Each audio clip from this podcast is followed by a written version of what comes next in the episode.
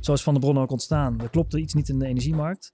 Daar vinden we wat van, maar er wat aan doen betekent gewoon een bedrijf starten en het uh, beter doen.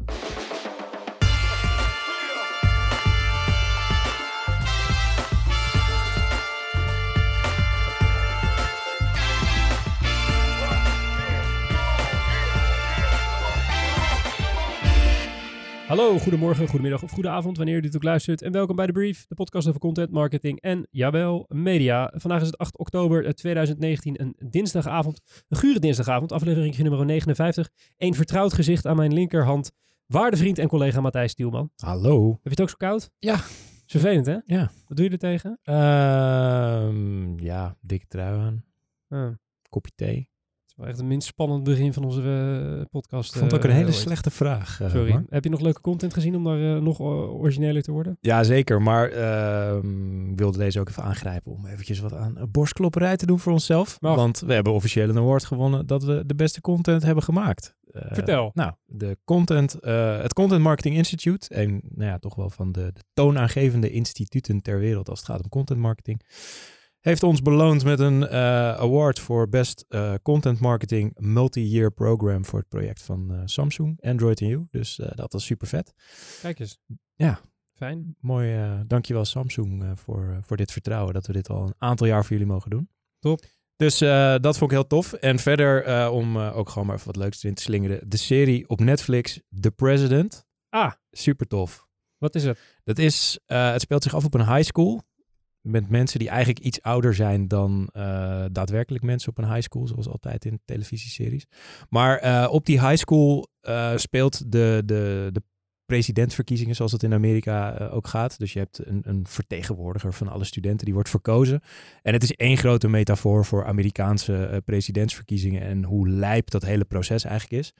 Uh, dat is super leuk, super goed gedaan in die serie. De styling is echt fantastisch. En goede humor, goede lekker steken onder water naar de Amerikaanse maatschappij. Goed gedaan. Tof. The het, is President. dus, het is een Amerikaanse serie dus. Ja, Netflix. Netflix original. Yes. Hoeveel afleveringjes? Volgens mij acht. Dus acht. het is ook nog wat Eén weekendje. Ja, anderhalf. Ja, met een kind, met een kind wat ja, langer, hè? precies. Rust, rustig aan, rustig Oké, okay. The President in uh, uh, Netflix. We stoppen de trailer, of de link naar de trailer in de, in de show notes. Tegenover ons zit, zoals iedere aflevering, de gast. Uh, die belandde via bureaus Bone Relevant aan klantzijde bij de Pharma Access Group. Maar is daar alweer een tijdje weg, want sinds januari 2017 is hij Head of Brand and Growth Marketing bij Van der Bron, Mart Vonk. Mart. Yes, hi. Hoe is het met je? Gaat goed. Ja? Zeker. Heb jij evenveel last van de kou als dat uh, Matthijs zegt? Of uh, ben jij als energieleverancier altijd voorzien van groene en warme... Nou, dat natuurlijk sowieso. Ja. Oké, okay, fijn. Lekker. Is dit de eerste keer dat je te gast bent in de podcast? Ja. Oké. Okay. Luister je zelf naar het mediumtype? Of nee. Is... Helemaal niet? Eigenlijk niet. Dus we moeten eigenlijk in deze aflevering jou gaan overtuigen van het mediumtype. Ik heb natuurlijk wel even naar jullie geluisterd. Oké. Okay. Wat was je indruk? Mag gewoon eerlijk zijn. Poeh. Weet je het zeker? Ja, kom maar joh. nee, ik vond, het, uh, ik vond het begin altijd heel sterk. En daarna wordt het iets minder. Oké, okay, nou ja, aan het einde zit jij, dus dan ben je zelf aan jou de taak om deze aflevering uh, uh, een beetje omhoog te tillen ten opzichte van wat je hebt geluisterd. Dat gaan we uh, zo dus in het staartje van de aflevering doen in het interview, maar eerst het nieuws, eerst even dit. Terug in de studio, of eigenlijk nog steeds in de studio, gaan we zoals u van ons gewend bent eerst eventjes door het nieuws heen. Drie nieuwsitems die de media en marketingwereld in zijn of haar ban hebben gehouden. En we starten binnen de landsgrenzen, of eigenlijk ook wel een stiekem een beetje buiten. Want Matthijs, uh, luister, het, het Nederlands Bureau voor Toerisme en private organisaties blijken het eens te zijn geworden over het beeld dat Nederland we uh, in het buitenland uh, inhoudelijk en eenduidig willen uitdragen. Nou, Daar dat zijn is hartstikke mooi. over eens. Ja, dat is vooruitgang. Nou, dat is top, toch? Ja. Enig idee wat dat betekent? Nee, Gaat je vertellen. In welk land woon jij? Ik woon in Nederland. Hoe, hoe noemt men ons in het buitenland doorgaans? Uh, de Netherlands. Nee. Want als je namelijk naar de marketing en de manier hoe wij Holland. onszelf... Uh, ja, Holland noemen we ons. En wat kleeft er dus blijkbaar aan Holland? Een heel klein beetje een imago van uh, klompjes en een beetje Maar noem, wiet. noemen anderen ons Holland of noemen wij onszelf Nou, Holland? dat is dus blijkbaar het probleem. In de manier waarop de overheid ons in het buitenlanden positioneert en, en uitdraagt, is het dus heel vaak Holland. Uh, en dat heeft met uh, allerlei verschillende uh, dingen te maken. Van uitspraak tot aan ja, dat het gewoon heel vaak beter staat. En dat mensen het soms beter begrijpen. Maar dat heeft wel tot ja, een beetje het resultaat dat het een um, enigszins gedateerde ja, benoeming is voor ons land. Want zo heten we niet. Niet meer. Um, dus dat gaan ze veranderen met een nieuwe merkcampagne. En hoe, hoe dat er allemaal precies uit gaat zien. dat weten we allemaal nog niet, want ze hebben alleen maar bekendgemaakt dat, eh, dat ze die koers gaan wijzigen. Dus dat we voortaan de Netherlands gaan heten. Dus ehm, eh, dat, dat, dat is eigenlijk wat we weten. Eh, het gunstige gevolg zou moeten zijn dat toeristen niet meer alleen maar naar de Randstad komen, maar ook een beetje uitwaaieren over heel ons land. Opdat wij nooit meer van die gigantische cruiseschepen in de haven van Amsterdam krijgen, maar lekker in... eh, En dat allemaal door de benaming te veranderen. ik weet het niet zo goed, maar blijkbaar hebben ze hier goed naar geresearched. Ze hopen ook dat het ons imago van de kaas, de klompjes en de, en de harddrugs, eh, softdrugs een beetje ehm Het ging echt om het rebranden van het imago. Hè? Daar ging het toch om dat er zo... Ja. Ja. Ja, Terwijl we dus een heel sterk imago hebben eigenlijk. Ja, eh, eh, en ik snap wel een soort van dat het eh, gek is dat je je het ene noemt terwijl je eigenlijk anders heet. Alleen ik dacht dus altijd dat het ehm, historisch eh, eh, accurater zou zijn ook. Maar dat blijkt ook niet te kloppen, want eh, ik, ik las dat Samuel Kruisinga, wat een historicus is aan de universiteit van ergens, want het stond niet op het bericht wat ik van nu punt- eh, editie, punt- eh, editie.nl heb ge, gesloopt. Holland slaat namelijk oorspronkelijk op een heel klein gebied in een bosrijk gebied in de buurt van Leiden. Toen werd het Holland of Houtland genoemd. En maar de Nederlanden, dat eh, beslaat weer een eh, veel groter gebied dat wij eigenlijk nu als Nederland kennen. Wat de lage landen eh, is met als kern de delta rond de Schelde, de Maas en de Rijn. Dus eigenlijk is geen van die twee echt historisch super accuraat. accuraat behalve dan dat we nu Nederland heten en niet Holland. De vraag is een beetje of ze ons merk, wat dus best wel sterk is in het buitenland, kunnen omgooien. Zomaar. Nou ja, ja, dat kan. Maar dat duurt wel even. En om nou alleen je naam te veranderen, daar ga- gaan we aardig wat campagnes overheen. En ja, weet je, je hebt een bepaalde reputatie omdat wij zijn wie we zijn. Ja, dus dan moet je dat gaan veranderen. Nou, de minister zei ook dat ze minder vanuit eh, eh, dus Holland wilde communiceren, maar meer vanuit eh, de Netherlands en de inhoud. Maar, wat, da- maar hoe dan, dat, dat zei ze dan niet. Nee. Eh, dus, ik denk dat er een paar mensen zijn die heel veel geld aan het verdienen zijn met een rebranding van ons land. nou, Ja. ik, ik las dus ook de Wel zin. een vette klus als je die binnenkrijgt. Ja, Jongens, we hebben wel. een briefing. Alleen al de eerste Zo. zin, het Nederlands Bureau voor Toerisme en private organisaties. Ja. Nou ja, ik denk dat daar ergens tussen privaat en Ja. organisaties iemand zit die momenteel de spreekwoordelijke eh plasser uit zijn broek aan het lachen, eh, lachen is. Eh, maar goed, hey, wie zal het zeggen? Voor hetzelfde geld ehm, hoeven we straks in het buitenland niet meer uit te leggen dat we in Amsterdam eh, eh, wonen.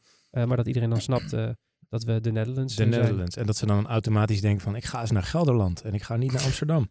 Een logisch effect. Nou, Ja. hey, niks te nadelen van Gelderland. Nee, hartstikke leuk. Hebben we ook gewoon luisteraars. Ja. Maar mag het Holland Heineken House dan nog wel tijdens de, de Olympische Spelen in nee, dat Tokio? wordt dus de, ne- de, de Netherlands Heineken House wordt het dan. En ik hou van Holland. Ja, ik hou, Ja. van de, ik hou van de Netherlands. Ja, The Voice of De Voice Nederland. of the Netherlands. nou gaan we. Het bekt voor geen meter. Maar we gaan het toch proberen. We gaan ze bellen.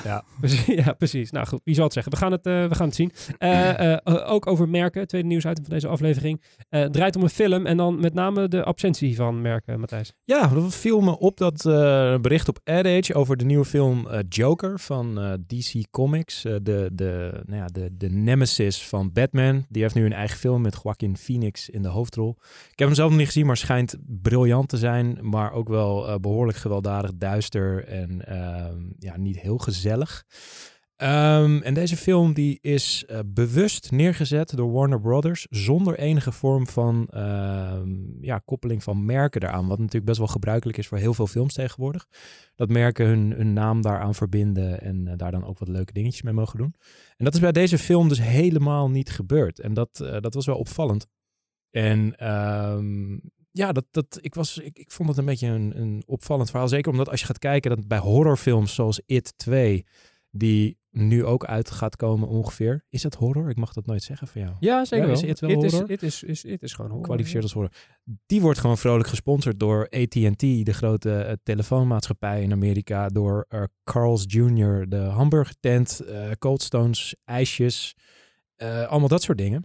En ehm, ja, hier kiezen ze er dan voor om, om eh, ja, bepaalde redenen geen eh, sponsors toe te laten. Ja, En ik, ja, ik vond dat maar opvallend. zij zeggen dus dat ze het... Want z- dit komt van Ad Age, hè? zie ik in ons draaiboekje. Wa- Ja. Zij zeggen dat het bewust is. Dus Warner Brothers zegt, Nee. joh, we hebben eigenlijk gewoon... eh, we hadden gewoon even geen zin in geld. Ja, ze hebben hem bewust uit, de, uit de, die hele molen gehouden. Ze hebben ook ehm, de schrijvende pers weggehouden bij de eerste screenings en dat soort dingen. Dus ze behandelen hem echt als een soort, soort arthouse movie. Dus ik weet niet of dit nou hele slimme marketing is om een beetje buzz te creëren rondom Ik denk dat het een beetje reversed engineering is. Dus die zijn waarschijnlijk eh, met eh, een script en een impressie van wat die film moet gaan worden langs al die merken gegaan. Die merken die hebben gezegd, joh, in deze tijd, wanneer er nog wel eens een gekke blanke man eh, eh, eh, met een machinegeweer een hotel aan fladder schiet, lijkt het ons niet een heel goed plan om nou een film te gaan sponsoren waarin je ongeveer een blanke man ziet ontsporen en, en allerlei gekke dingen ziet doen.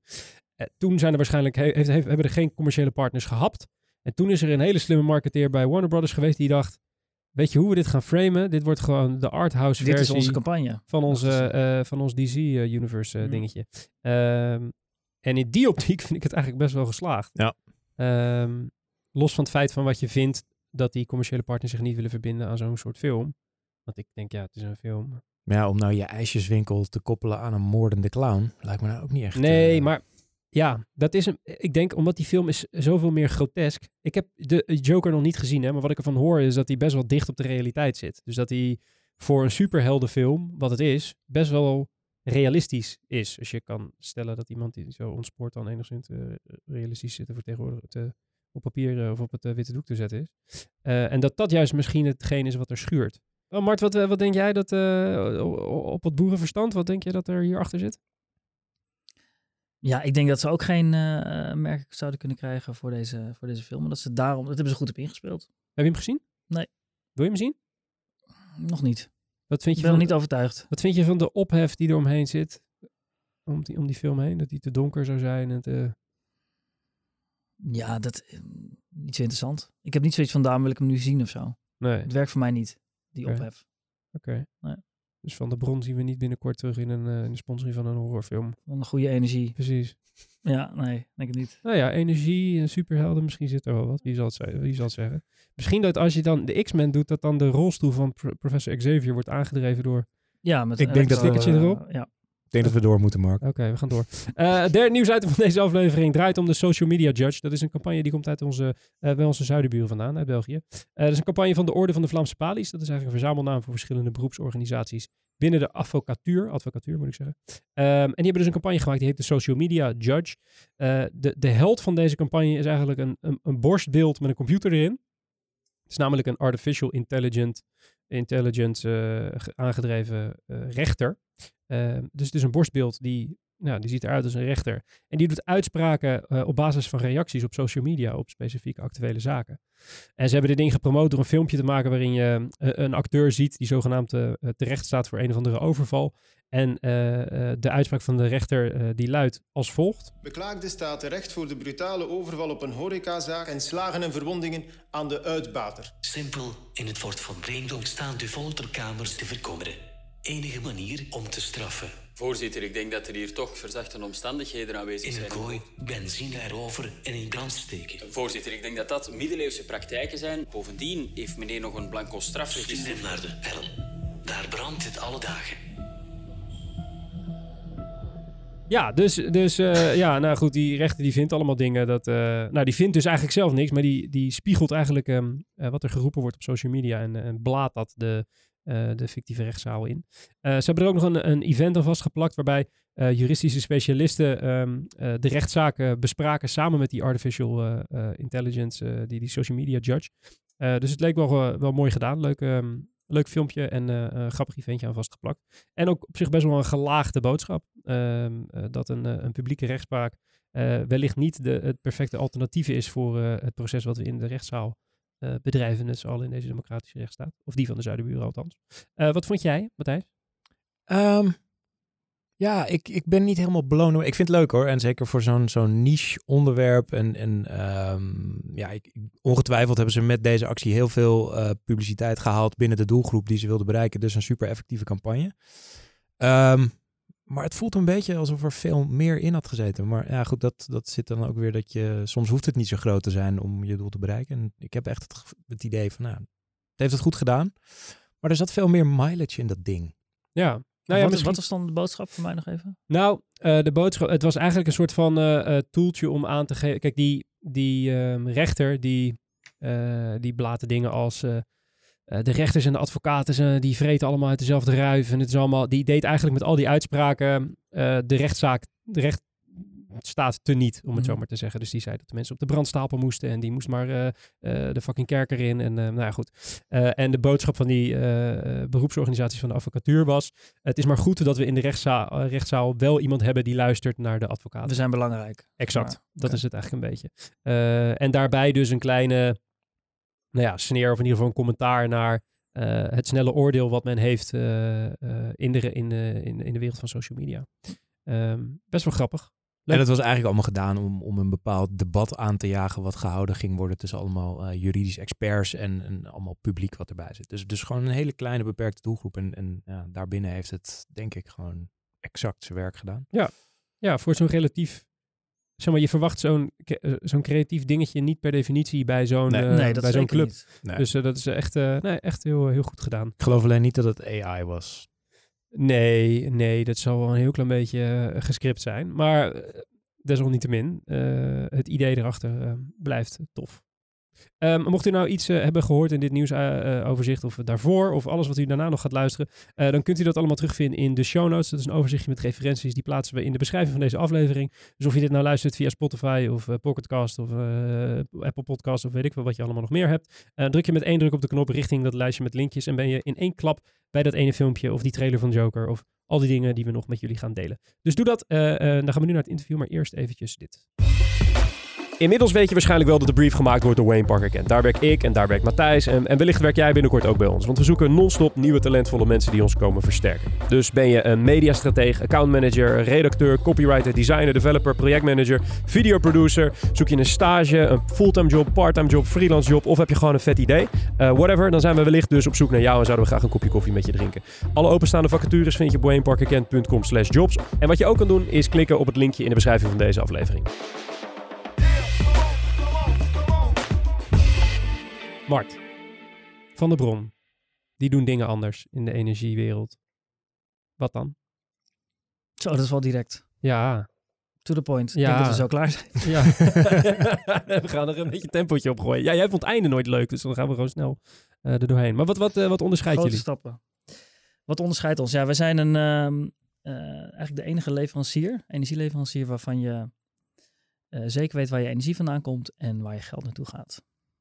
En dan, en dan hoor ik een consument aan de andere kant van de, van de lijn denken, ja, dat eh, roepen ze allemaal. Wat, Nee, wat dat- doen jullie operationeel om dat te... Nou ja, wij, wat wij doen is dat wij het, aanbod van duurzame energie in Nederland, dus dat is dan energie uit eh, zonnepanelen, windmolens en bio-energie, dat koppelen wij aan de vraag. Dus dat zijn de consumenten die energie nodig hebben. Dus die, dat is ons het continu spel wat wij spelen. Dat doen we met een marktplaats, zoals de, de, de marktplaats die je kent voor spullen, doen wij dat met energie. En, en dat betekent dan in de praktijk dat je dus als energieafnemer in Nederland direct gekoppeld wordt aan degene die het opwekt. Dus een... Ja. eh, Vaak is dat een, eh, een boer die een eh, windmolen op zijn erf heeft of zonnepanelen op zijn schuur. Maar het kan ook een coöperatie zijn met vijf windmolens in Zeeland bijvoorbeeld. Oké. Oké. En En je kan zelf op ons platform kiezen van wie je die energie koopt. Dus dat kan bijvoorbeeld zijn, waar kom je origineel vandaan? Welk ik kom uit de buurt van Rotterdam. Rotterdam? Nou, daar, in, daar in de buurt, op de Maasvlakte, zijn ook windmolens. Nou, daar kan je energie van kopen. Dus dan, Dus kan je, dus, dan, dus dan kan je onder andere op basis van eh, re- regio... En, en krijg ik dan ook een beetje een backstory over wie die, Ja. wie, die mensen zijn? Ja, het is een soort eh, dating, zo zou je het kunnen zien. Maar ze hebben allemaal een profiel. En, in dat, eh, en een aantal foto's van zichzelf, die hebben wij vaak genomen. Waarin ze zichzelf verkopen. Dus dan zeggen ze dat ze ook een, een biodynamische boerderij hebben bijvoorbeeld. Of ze hebben van generatie op generatie een boerderij. En dat verhaal staat dan uitgelegd. En als je dat interessant vindt, dan kies je die boer. En wat, wat zijn de... eh, Stel, ik heb een, eh, een windmolen achter in mijn tuin staan. Wat zijn de vereisten om, om te mogen handelen? Stel je hebt een windmolen achter... Ja, dat zou, kan, zou natuurlijk theorie kunnen. Ja. Wat zijn de vereisten om mee te doen? Ja, Aan, Nou, de, aan, de aan, de aan de aanbiederskant, zeg maar. Wat, waar, waar, waar, let je, waar, waar letten jullie op? Eh, nou, dat je sowieso meer opwekt dan je zelf nodig hebt. Want dat kun je dus vrij verhandelen aan consumenten. Dat is, dat is belangrijk. Ehm, en verder zijn er, eh, gaat het wel over capaciteit. Dus we hebben wel een bepaald minimumcapaciteit die je, moet, die je over moet hebben, zeg maar, om interessant te kunnen zijn. Want we, eh, het moet wel eh, ja, interessant zijn om het ook te gaan vermarkten. Ja. Om daar de marketing voor te gaan doen. Als je twee plek hebt voor twee consumenten, dan is dat wat klein. We bieden dat dan wel aan, maar dan via een zonnecollectief. Dus dan kan je dan als, zon, als je zonnepanelen hebt in gaan komen. Dat is dan een groepje van wat kleinere le- leveranciers samen. Dus die hebben niet een eigen profielpagina, maar die worden samengevoegd. Dat kan wel. Maar als je echt een aparte eh, plek wil op ons platform, dan moet je wel wat groter zijn. Oké. Het, het doet me een beetje denken aan, aan eh, dat bedoel ik in positieve zin, hoe Uber ooit begon. Dat waren natuurlijk privéchauffeurs, die hadden niet altijd wat te doen en die konden ritjes gaan doen. Mhm. Eh, dat is natuurlijk uitgegroeid tot mensen die daar volledig van leven. Is, is Ja. dat ook iets wat, wat jullie zien gebeuren al? Of eventueel verwachten? Dat mensen dus gewoon jullie marktplaats gaan gebruiken om energie ja, die ze zeker. Het is, specifiek het is daarvoor gewoon echt een businessmodel geworden. Dus eh, het, het wordt ook gewoon handel. En dat is ook wat, wat wij heel erg stimuleren. Wij willen niet dat er eh, grote organisaties komen die al die macht hebben over al die opwek, bijvoorbeeld, wat traditioneel wel zo is bij energieleveranciers. Maar we willen juist dat de ondernemer of ook dan wel de consument het zelf gaat doen. En daar helpen we, ze, helpen we ze mee, want die hebben vaak wel een probleem om dat te vermarkten. En dat doen wij voor ze. En, en, en Maar uiteindelijk is het een tussenstap, hè? zo is het ook. Dus we hebben producenten die op grote schaal produceren. Maar uiteindelijk is ons, onze droom ook dat iedereen zelf zijn eigen energie opwekt. Met zonnepanelen of op andere nieuwe manieren. ja, en, da- en daar zit dus ook je, je, je diff- want jullie bieden ook producten aan als energieleverancier. Contracten. Maar jullie hebben ook de laadpaal bijvoorbeeld. Ja, we hebben naast, ehm, naast dat we energie voor thuis hebben, bieden we ook energie voor onderweg aan. Precies. Ja. En dat past een beetje binnen die strategie dat je misschien wil uitgroeien tot meer dan een energieleverancier en dus ook wil voorzien in dat soort. Nou ja, het is eh, zo ontstaan dat eh, duurzame energie is er niet altijd. Dus wij moeten ook aan de. ehm we hebben ook, laat zeggen, middelen nodig om het energienet te balanceren. Het is vrij, vrij ingewikkeld of technisch verhaal dit, maar het energienet moet altijd in balans zijn. Er moet evenveel energie op het net staan als dat mensen nodig hebben. Hè? Dus het moet in balans zijn. En eh, wij gebruiken eigenlijk alles wat we omtrent elektrisch rijden aanbieden om het net ook te balanceren. Dus dat noemen we slim laden. Dus bijvoorbeeld als je een eh, elektrische auto eh, hebt en een laadpaal thuis. Dan eh, als je dat bij ons eh, aanschaft, dan heb je ook slim laden daarbij. En met slim laden kan je eh, zelf ervoor zorgen dat het energienet gebalanceerd wordt. Dus dat je, help je eigenlijk actief bij aan het zorgen dat er genoeg duurzame stroom op het net staat als dat er nodig is.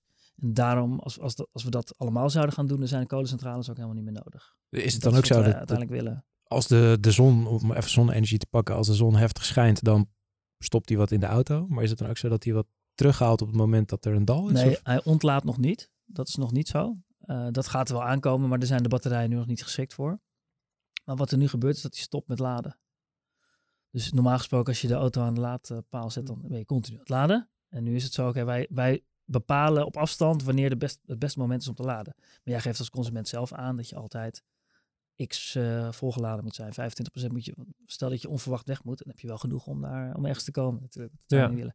En datzelfde zijn we ook, wi- gaan we ook ondernemen met eh, warmtepompen bijvoorbeeld. Want die hoeft ook niet de hele tijd full pool aan te staan. Die kan ook even wat gas terugnemen.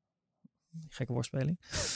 Ehm, versus de hele tijd aanstaan. En, en zijn jullie de enige in die energiemarkt, voor de mensen die de markt niet goed, goed kennen, die zo'n construct hebben, dat je direct aan een leverancier gekoppeld wordt binnen de landsgrenzen? Je? Ehm, op de manier hoe wij het doen wel. Er zijn wel een aantal, nadat wij zijn begonnen, we zijn nu vijf jaar zijn we bezig, zijn er wel andere initiatieven gestart. Eh, laat zeggen kopieën. En eh dan kunnen we zeggen van, nou, dat vinden we natuurlijk heel vervelend. Maar aan de andere kant vinden we dat ook wel heel erg fijn, want dat betekent dat de energietransitie alleen maar harder gaat. Dat is ook uiteindelijk het doel. Het is voor het onderscheidend vermogen en voor, zeg maar, mijn marketingteam een, een grotere uitdaging om ook echt het onderscheidende verhaal te vertellen. Dus daar is het wat lastiger voor. Maar voor het uiteindelijk, de uiteindelijke missie, en dat is dat Nederland zo snel mogelijk naar 100% duurzame energie moet, is het heel goed. En merk, merk je verder eh, nadelen van het bouwen van de categorie, om hem even samen te vatten, waar je last van hebt? Want jullie zijn dan de, de voorlopers eh, binnen je categorie op zo'n model. Ja. Wa- Waar, waar, me- heb je daar last van ten opzichte van de mensen die als tweede komen, dat jij merkt? Ehm, nou ja, ma- marketing-wise dus wel. Dus als je, eh er is een andere partij die heeft een, anderhalf eh, jaar nadat wij zijn gestart ook een dergelijk platform gestart, alleen voor veel kleiner verbruik. En die hebben daar heel veel geld in gestoken. Nou, en dat merk je dan wel. Ja, die kunnen moet je harder tegen. Dus wij moeten daar, wij moeten, wij kunnen niet eh, de grootste zijn qua budget. Dus wij moeten slimmer zijn. Maar dat daagt ons alleen maar uit. Om juist andere paden te bewandelen die anderen niet durven te bewandelen. En hoe, hoe zien die paden eruit? Wat is je, je onderscheidende... Je hoeft niet natuurlijk heel je strategie uit de doeken te doen. Want Oh. meneer, eh, Nuon, of dat andere naampje is, ongetwijfeld aan het luisteren. Maar wat is, wat is jullie onderscheidende vermogen in, in, in communicatie? Nou, wat ik, wat ik heel sterk vind aan, eh, aan, aan Van der Bron is dat we eigenlijk een, nieuwe, een soort nieuwe vorm voor activisme hebben uitgevonden. En dat is niet klagen over wat er niet goed is, maar juist op, met oplossingen komen. En dat zie ik anderen eigenlijk niet doen. Anderen blijven vaak hangen bij het klagen. Dus die gaan eh, meelopen met de klimaatmars. En dat is allemaal goed hoor. Mensen moeten dat allemaal doen. En dat, is, eh, dat, zou- dat heeft echt wel een doel. Alleen, eh, er wordt niet veel mee opgelost. En wij vinden dat dat wel kan. En da- daar is ondernemerschap een hele belangrijke eh, factor in. En dat proberen wij nu dat proberen we ook te doen. Dus we zeggen, oké, als, als we iets zien wat niet klopt, dan gaan we iets bouwen. Zoals Van de Bron ook ontstaan. Er klopte iets niet in de energiemarkt. Dat we, dat, daar vinden we wat van. Maar er wat aan doen betekent gewoon een bedrijf starten en het eh, beter doen. En mensen dat verhaal te vertellen. En, en is je, je zegt de, het uiteindelijke doel is om heel Nederland eh, Ja. duur, te voorzien van duurzame energie. Holland. Eh, heel Holland. Eh, te voorzien in, in, in duurzame energie. Eh, is dat met jullie model mogelijk? Dat er, zeg maar, dat vraag en aanbod elkaar op zo'n schaal kunnen vinden binnen die duurzame categorie? Als Met, je dat met ons model? Ja, dus met het, met het vraag en aanbod op zo'n schaal. Ja, in feite, in, in principe is dat mogelijk, ja. Net als dat nu, net als dat, kijk, dat energienet moet altijd in balans zijn. Dat is, wordt nu met een groot deel nog met kolen gedaan.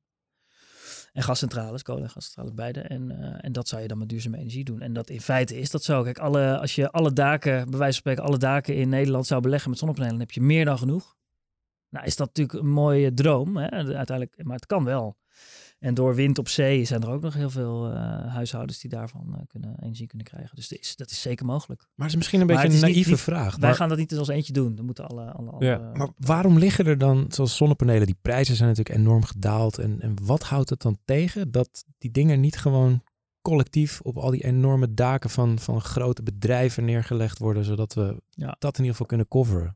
Ja, dat is een goede vraag. Het is eh, ja, niet naïef, denk ik. Het is eh, nog steeds voor mensen niet duidelijk genoeg dat het niet alleen maar een duurzame keuze is, maar ook gewoon een lucratieve keuze. Want het verdient zich gewoon terug. Je gaat gewoon geld aan verdienen uiteindelijk. En dat weten mensen gewoon nog niet. En dat, dat wordt niet goed genoeg verteld. Ik denk dat het daarin zit. Het is een groot communicatieding. Ja.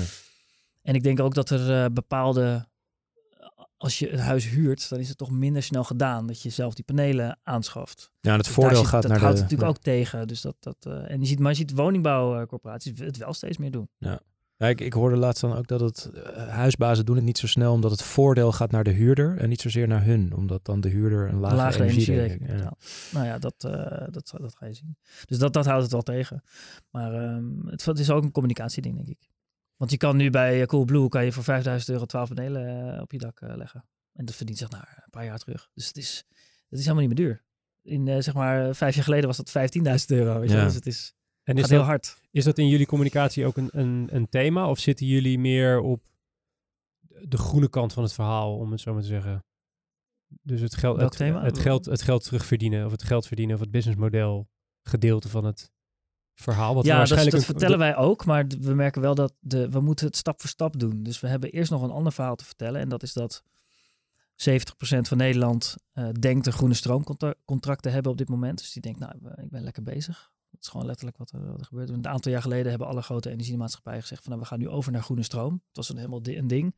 Hoef, kon je voor een eurotje meer per maand kon je groene stroom krijgen. Of misschien wel dezelfde prijs. Nou, dat was natuurlijk helemaal eh, fantastisch.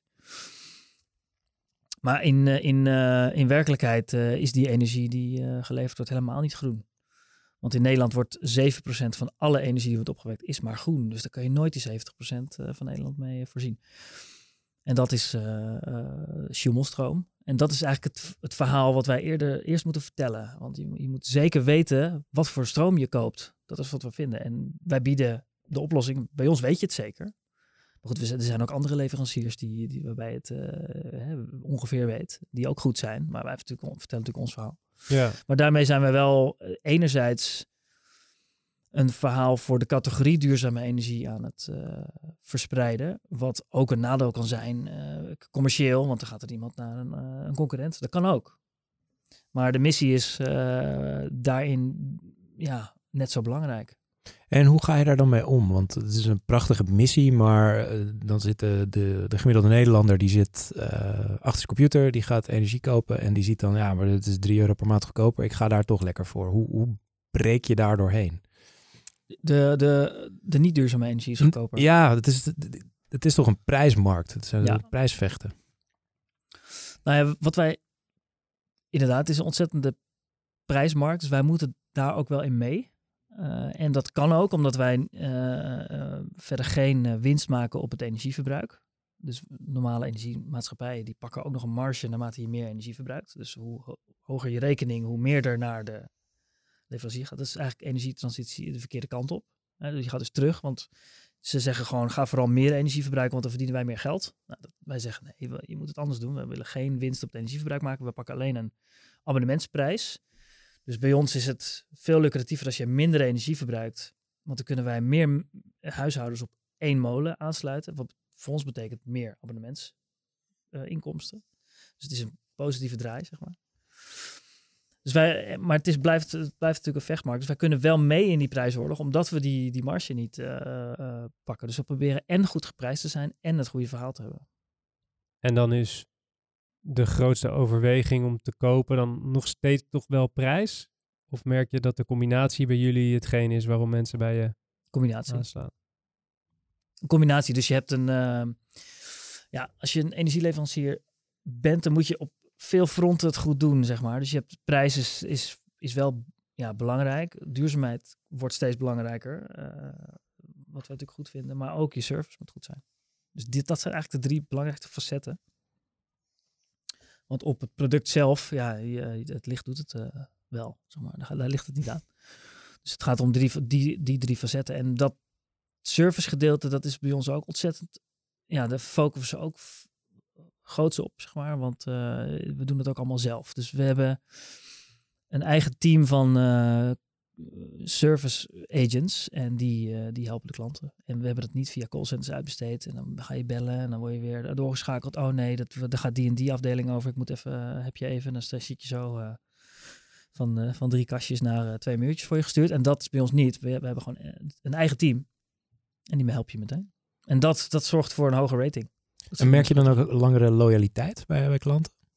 Als ze eenmaal binnen zijn, dat ze, dat ze goed lang klant blijven? langer binnen? dan, dan bij anderen? Ja? Of, eh, heb je daar geen in? Ja, dat, dat zie je wel. Dat ligt ook aan de type klant. Voor sommige klanten moet je ja, meer je best doen dan voor anderen. Die zijn, kijk, als je op, op duurzaamheidsoverwegingen, als dat je dat heel erg belangrijk vindt, dan blijf je lang, relatief lang.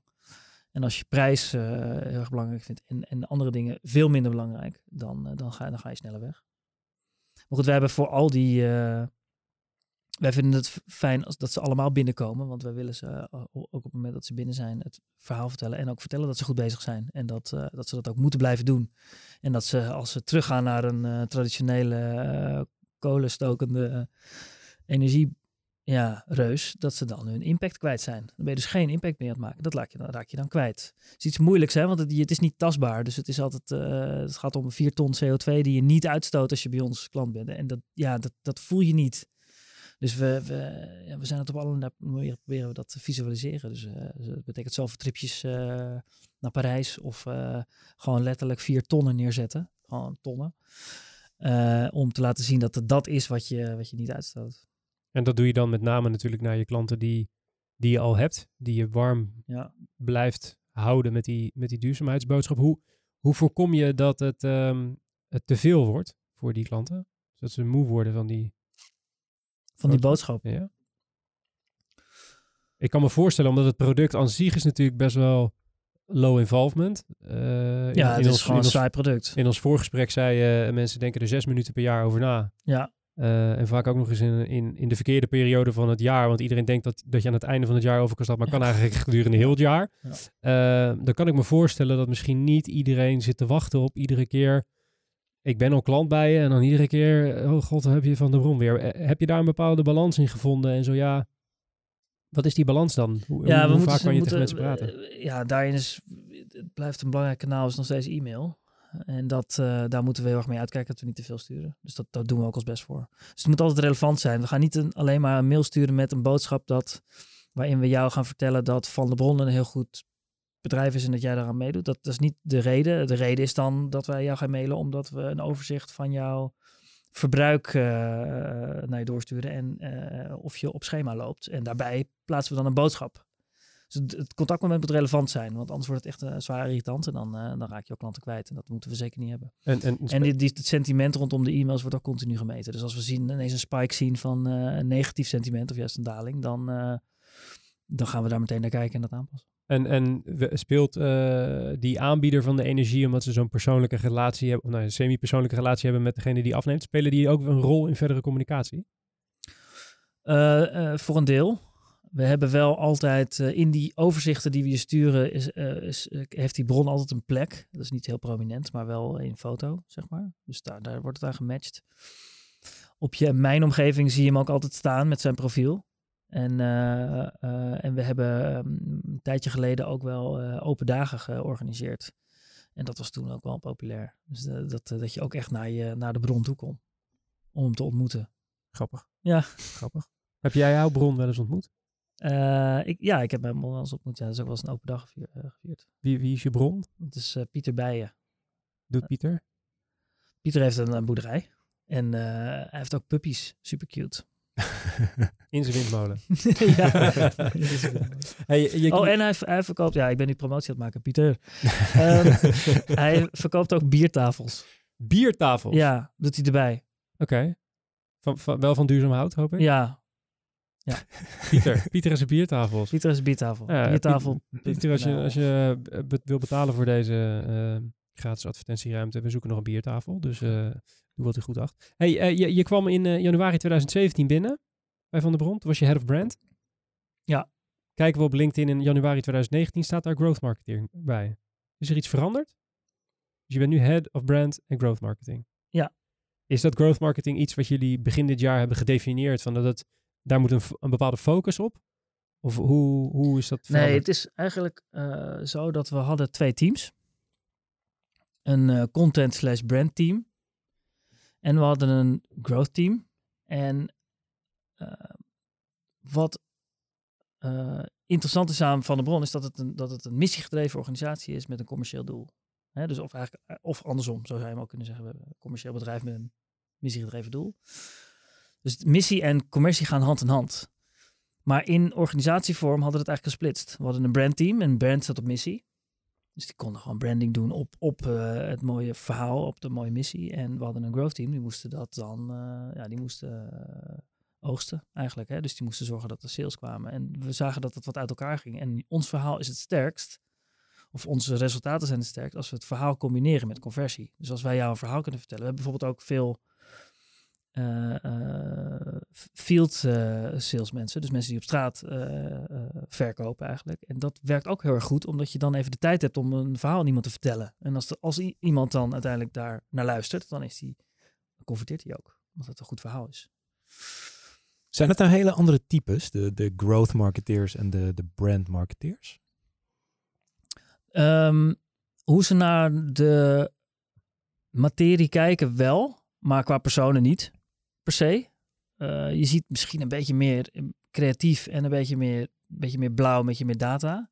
Maar die combinatie wil ik juist graag eh, samen hebben. Dat vult elkaar heel erg aan. Ja, dus het, aan het begin was dat echt een beetje, wat, wat doe jij eigenlijk? Hè? Dus we hadden, wij, bij Brand bouwden we een mooie auto en, de, en zeg maar de, onder de motorkap keken we eigenlijk niet. En dat, wat, dat was wat, wat ze bij, bij, bij Growth wel deden. Dus dat was eerst een andere taal, maar door gewoon wat team events bijvoorbeeld. eh, en elkaar wat beter te begrijpen, eh, ging dat vrij snel. En dat is nu echt een hele goede machine. Wat is jouw pet binnen dat team? Welke, wel, welke pet eh, staat je het best? Die, is dat brand? Dus eigenlijk waar je zat, dus aanhalingstekens? Of Ik denk wel het creatieve, de creatieve kant is meer, meer het. eh, nou ja, wat ik doe is ja, het creatieve stuk. Dus, en dat kan je op beide kanten zijn. Dus je kan een creatieve salescampagne ontwikkelen, of een creatieve manier om mensen te converteren, o- om, om, om een verhaal te. En je kan ook creatief zijn op, op de manier waarop je een verhaal vertelt. Dus dat kan op beide vlakken. En dat vind ik eigenlijk ook het leukst, om dat te mixen. Je Dus, kan niet één ding heel lang doen. dus die verhouding is eigenlijk altijd 50-50 in je werk. Ja.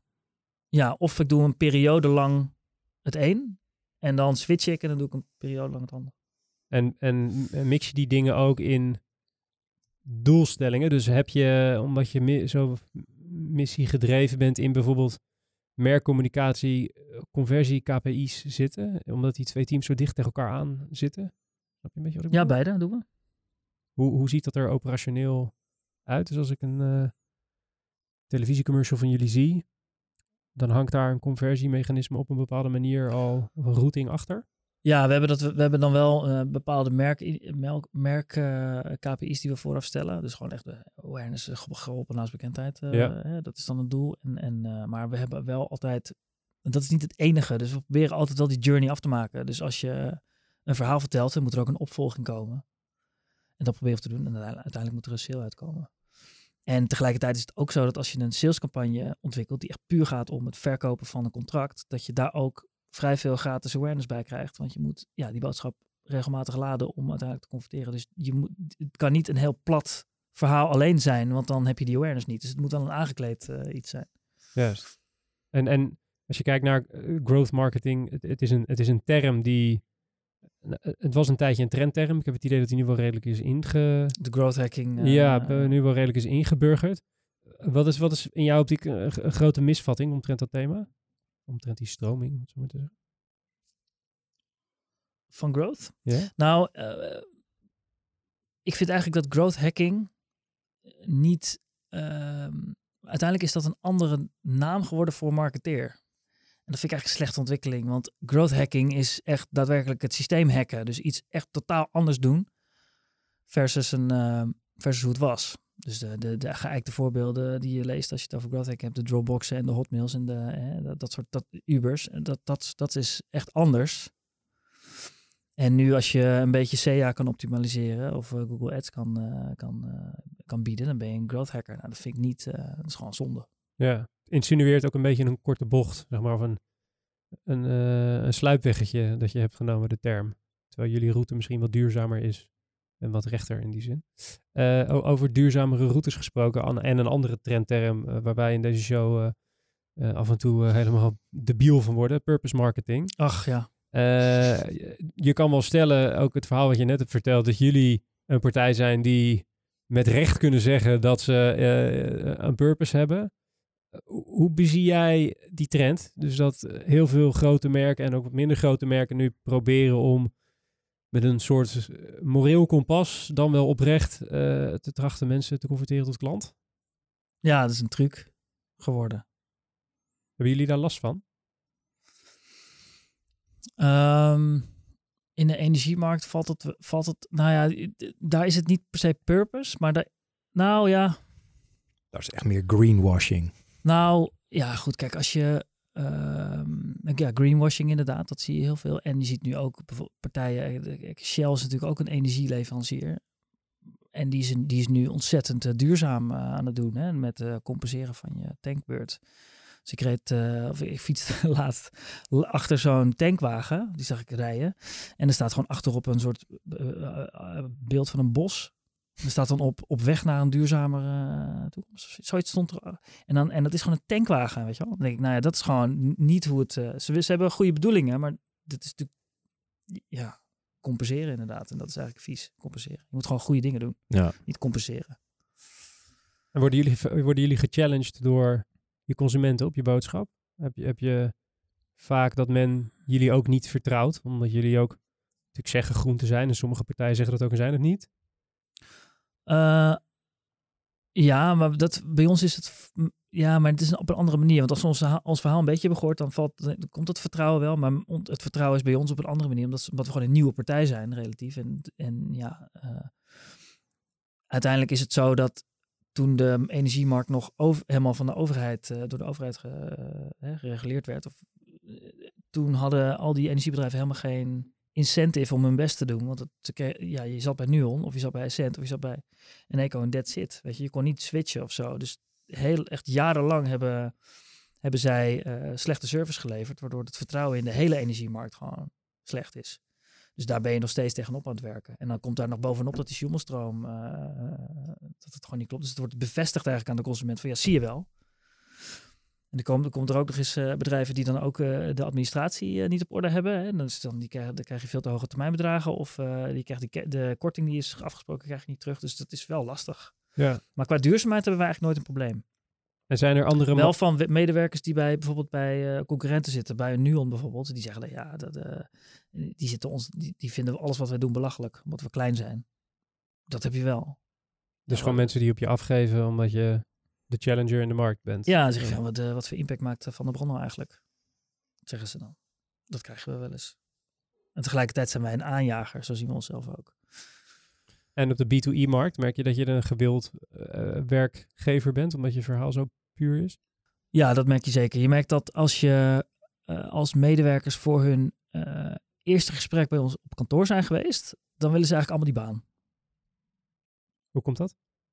Het is een soort vibe die daar hangt. Van mensen die zwaar gemotiveerd zijn om het goede te doen, zonder dat we allemaal met spandoeken eh, achter elkaar aan de Polonaise eh, aan het, aan het eh, eh, klagen zijn over eh, dat het zo slecht gaat met het klimaat. Een positieve, eh, op een positieve manier keihard impact maken eigenlijk, dat is het. Ja. Past natuurlijk ook perfect bij de wensen die de millennials en Gen Z eh, Ja. hebben. Tegenwoordig Voor- hebben alle opleidingen wel iets met sustainability eh, in zich. Eh, dus ze worden als met, een- met een bepaalde purpose grootgebracht. Gelukkig. dat is de redding, de redding voor de planeet. Ja, dus dat is een heel goed ding en dat, dat, zie, je, dat zie je terug. Dus we, zijn, eh, we doen wat dat betreft wel goed, ja. Er zijn er merken waar jullie als Van de Bron tegen opkijken? Dat je denkt van, ah, die doen het ook supergoed en daar kunnen wij nog wel wat van leren. Nou, we stonden laatst, waren we genomineerd voor Coolest Dutch Brand. En dan zat ik, zaten we in de eh, eh, top drie met Tony, eh, vegetarische slager. En daarachter zaten nog Dopper en een aantal andere bedrijven. En da- dat, dat vind ik gewoon prachtig mooie merken. Omdat het, ehm, de basis is duurzaam, maar daar bouwen ze allerlei dingen op. En dat is een soort nieuw speelveld. Dat vind ik echt gaaf. Dus het gaat niet meer over duurzaam zijn. Nee, vegetarische slager is ook gewoon een heel, hele, sterke manier van eh, reclame maken. Namelijk met hun, eh, met hun afwijkende namen, waarmee ze toch eh, gehakt, eh, gehackt noemen en dan toch in de schappen mogen. Dat is gewoon briljant. Dus het gaat niet meer over het duurzame alleen. Het is gewoon de basis. Voorwaarde eigenlijk. Bij Tony zie je dat ook. Dat is, zeg maar, het heeft een positieve missie, maar ze zijn ook gewoon heel goed in hun merk. Het is ook lekker. En vaak vegetarische slager is ook gewoon lekkerder dan vlees. En dat, is, dat zijn oplossingen en dat vind ik mooi. Dus dat soort merken kijken, kijken, we, kijken we wel tegenop, zijn we jaloers op. En proberen we als inspiratie te gebruiken. En ook een merk als Oatly bijvoorbeeld vinden we ook wel gaaf. Hè? Dus die hebben ook mooie, mooie, mooie ads. En zo'n actie van eh, Patagonia bijvoorbeeld. eh, waarbij ze zeggen die tekstcut van, eh, of die tekst, eh, die positieve tekst van, eh, van, van Trump, die geven we gewoon terug. Nou, dat, dat vind ik ook gaaf. En dat zijn echt statements. Dan durf je. Dat is cool. En voor jou persoonlijk, ik kan me voorstellen, je komt natuurlijk eh, uit de bureauwereld, je zit nu op een duurzame stack. Stel jij switcht ooit van carrière, is dan is dat, is die, dat duurzame karakter van Van der Bron zo ver doorgedrongen in je, in je persoon dat je denkt, nou mijn volgende stap, dan is dat wel één voorwaarde voor mijn volgende plek. Nou, ik denk dat het, dat het dus, wel een goeie. Het is wel een interessante, want ik zou het denk ik vrij moeilijk vinden om bij een niet of een minder duurzaam bedrijf de duurzaamheid te moeten brengen. Bijvoorbeeld, want dat, dat zie ik nu ook gebeuren en dat voelt gewoon eh, vaak ongemakkelijk. Dus ineens een purpose of ineens een duurzame inslag hebben en het dan. Terwijl het wel moet gebeuren, hè, want je moet de grote moeten mee, anders gaan we het sowieso niet halen. Maar ik denk dat, dat ik dat zelf moeilijk zou vinden. Dus ik denk dat ik, als ik wat anders zou gaan doen, dan zou ik wel naar iets wat, wat, wat vanuit het hart wel echt duurzaam is ja. gaan zoeken. Ja, denk ik wel. En de toekomst van Van der Bron, als u is, eh, nou, World, eh, world domination. is dat er? Zeg maar, is dat, eh, is, is dat een Oh, nee. ambitiedoel? Want, want je, je richt jullie nu natuurlijk heel duidelijk op, op de Netherlands. Nee, nee. nee we, we, we hebben- zijn hier, we moeten Nederland gewoon nog helemaal, ja, wat zeggen, over, over. Dat is onze missie, hè? Dus dat beperkt zich ook tot Nederland. En daar, hier moet het nu gewoon gebeuren. Dus Ja. we hebben daar nog geen plannen voor. Maar is het voor jullie dan niet... het, is, het is wel zo dat we qua, kijk, als je elektrisch rijden aanbiedt, eh, ja, mensen blijven niet in Nederland eh, eh, rijden en gaan niet bij de grens draaien ze weer om. Dat doen ze niet. Dus je moet dan wel over de grens ook eh, toegankelijk zijn voor je met je laadpassen bijvoorbeeld. Nou, dat doen, dat doen we ook. Maar eh, verder andere landen, dat is niet, niet per se eh in vragen. En, en is er dan qua endgame, hè, dan bestaat wel eens de, het scenario bestaat dat je eh, dat de missie behaald wordt, maar dat Van der Bron ergens halverwege de strijd verliest van misschien, misschien een grote speler. Zou dat het dan waard zijn? Of, of zou je liever in een 70% duurzame energiemarkt toch blijven bestaan? Nee, nee, nou goed. Het klinkt natuurlijk altijd een beetje eh, hotel of zo. Van eh, als je obsolet bent, dan, eh, dan doe je het goed. Maar dat is in, in, wijze, in wezen gewoon wel waar. Kijk, we zijn, wij moeten een, wij zijn een aanjager, dus wij hebben niet per se de illusie dat wij de allergrootste. Dat hoeft ook niet, zeg maar. Want als alle, alle concurrenten die al heel veel klanten hebben, versneld overgaan op echt eh, eh, duurzaam, dan hebben we ook onze missie volbracht. En dan is, dan is ja, dan zijn we als merk niet, daarin niet belangrijk. Ons merk is niet belangrijker dan onze missie. Dus eh, nee, missie, is, missie is dan eerst. Ik denk dat dat een quote is die we van geen enkele marketeer tot nu toe eh, hier hebben gehoord. Hij is, hij is Ja, mooi. Oh. Eh, wij hebben altijd een vaste afsluitvraag van ons interview.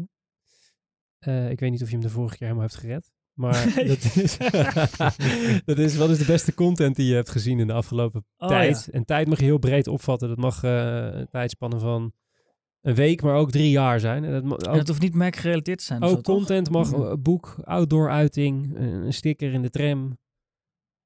Nee, dat niet. Ik heb, ehm, nee, ik heb toevallig laatst eh,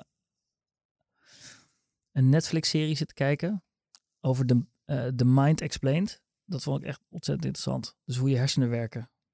Dat is Heeft die wel- serie van Fox die ze samen doen op Netflix. Ja, dat zou wel kunnen. Ja. Dus het is, het is een, volgens mij zes delen of zo. En het gaat over eh, hoe, hoe werken je hersenen nou eigenlijk. En ook het creatieve gedeelte versus. Nou, dat is ook in mijn, wat ik doe, is dat eh, relevant. Dus ik vind dat heel gaaf. Fox Explained. Specifieke Ja, The Aflevering. Mind. The Mind Explained. The Mind. Explained. Ja. Oké, gaan we De kijken. eerste. De allereerste. we beginnen bij het begin. Eh, we beginnen bij het begin en we eindigen bij het einde. Eh Mart Vonk van Van der Bron, hartelijk dank voor je komst. Graag gedaan. Viel het mee of viel het tegen? Het was, het middenstuk ging eh, vrij goed. Kijk, dan gaan we er nu snel een eind aan breien. Eh, aan mijn linkerhand, en Matthijs nu, eh, zoals eigenlijk al aan het begin van de aflevering. Vond je het fijn? Ja, het was gezellig. Oké, kom je de volgende keer weer? Jazeker. Top, rij voorzichtig naar huis. Dat betekent dat we aan het einde zijn gekomen van deze aflevering van The Brief. Eh, Wilt u zich abonneren, dan kan dat via Deezer, Spotify, eh, noem het op. En we, we staan erop. Tik je collega aan, zegt hij dat, hij dat hij dat ook eventjes moet doen. Mocht u nou iets gehoord hebben in deze aflevering waarvan u denkt, hé, hey, dat vond ik interessant, dan kunt u dat vinden in de show notes in de beschrijving van deze aflevering. Eh, comments vinden we overigens ook heel erg leuk, recensies. We rammen het er allemaal in, kritische vragen en opmerkingen. Jegens Matthijs mag, ik heb een veel teerder hart. Ehm, de brief wordt gemaakt door Wayne Parker Kentels en Media Partners en Adformatie en BNR Nieuwsradio. Productie is in de handen van de onvolprezen Björn Zwagerman. Die heeft geen microfoon, maar die gaat wel wat zeggen. Redactie door Maud Dekker. De volgende aflevering is over twee weken. Te gast dan Maddy Raads van IME. Mijn naam is Mark Schoones. Bedankt voor het luisteren en tot de volgende keer.